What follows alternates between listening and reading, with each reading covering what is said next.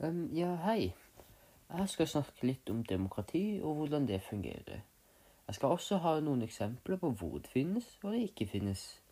Informasjonen er hentet fra Wikipedia, Store norske leksikon og FNs offisielle nettside. Generell informasjon.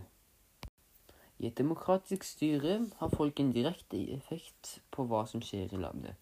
Derfor blir det også kalt folkestyre. Den vanligste type demokrati i vår tidsperiode er representativt demokrati. Dette er systemet vi har i Norge. I disse demokratiene har folk en innflytelse på landet ved å stemme fram kandidater eller ved å stille opp som kandidater. Den originale type demokrati het direkte demokrati. Denne typen demokrati innebærer at alle som var i et samfunn, skulle stemme over hver enkelte beslutning. Det å samle folket for alle beslutninger ble selvfølgelig veldig ressurskrevende, så dette demokratiet ble byttet ut med det vi har i dag. Et kjennetegn på demokrati er ytringsfrihet og retten til å være uenig med flertallet. Derfor kan en stor del av grunnen til at demokrati er så brukt i dag, legges på ytringsfriheten.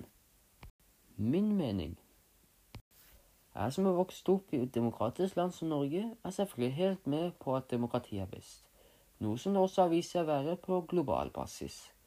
Land som har et demokratisk styre, har mye bedre levestandarder enn land uten. Bare ta en titt på Europa sammenlignet med noen i Afrika og Asia. Intervju.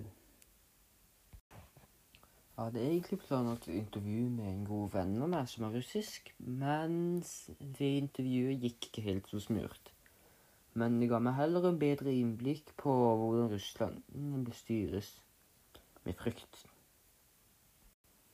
Ja, ja, det er kanskje en overdrivelse å si frykt, men det er for en viss sannhet i det. Jeg spurte han rett ut om han ville bli med på et intervju om demokrati, noe som jeg nå innser er kanskje var en dårlig idé med tanke på hvor tause russere om politikk generelt sett. Jeg ble for det beste ignorert i noen dager, men etter at jeg bare sletta meldinga, så ble alt som vanlig. Men det svaret som jeg fikk, forteller nok i seg selv. Som mange nok vet, er ikke Russland et veldig fritt land. Det er sterke regulasjoner for hva du kan og ikke kan gjøre. En litt spesiell ting jeg fant ut, er at Spotify er blokkert. Selv om jeg skjønner ikke helt hvorfor det. Men nettsider som snakker imot det bildet som Russland prøver å gi seg selv, blir ofte blokkert landet. Litt på samme måte som i Kina. Slik som så å si hele verden vet, er Russland ikke et spesielt demokratisk land heller.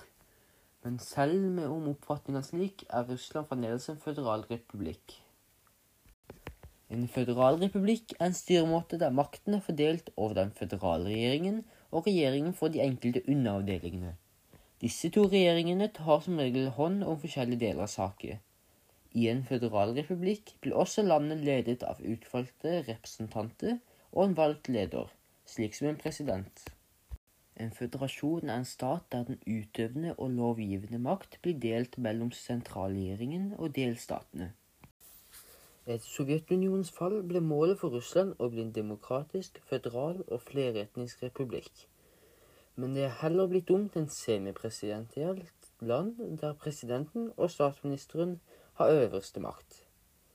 Presidenten kan også utnevne statsministeren, nest høyeste rang, men statsministeren må også bli godkjent av statsdumaen, det lavere kammeret i nasjonalforsamlinga.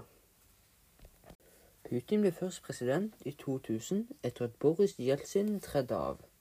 Jeltsin var den første demokratisk utnevnte presidenten, og Putins første handling var å gi Jeltsin og hans familie immunitet mot alle korrupsjonsanklager.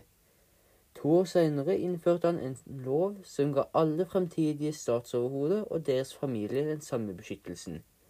Dette er et tidlig eksempel på at demokratiet begynner å forsvinne. To perioder etterpå, når nyvalget kommer, blir han prest til å tre av pga. at grunnloven kun tillater to perioder som president. Han støtter Dmitrij, som senere vant valget. Noen få timer etterpå nominerer Dmitrij Putin som kandidat til statsminister. Han blir dagen etterpå valgt som statsminister av statsdumaen. Ble litt mer om Russlands politikk enn demokrati. Hm. Ja, det var podkasten. Selv om jeg vil si at det ble en form for skikk på russisk politikk.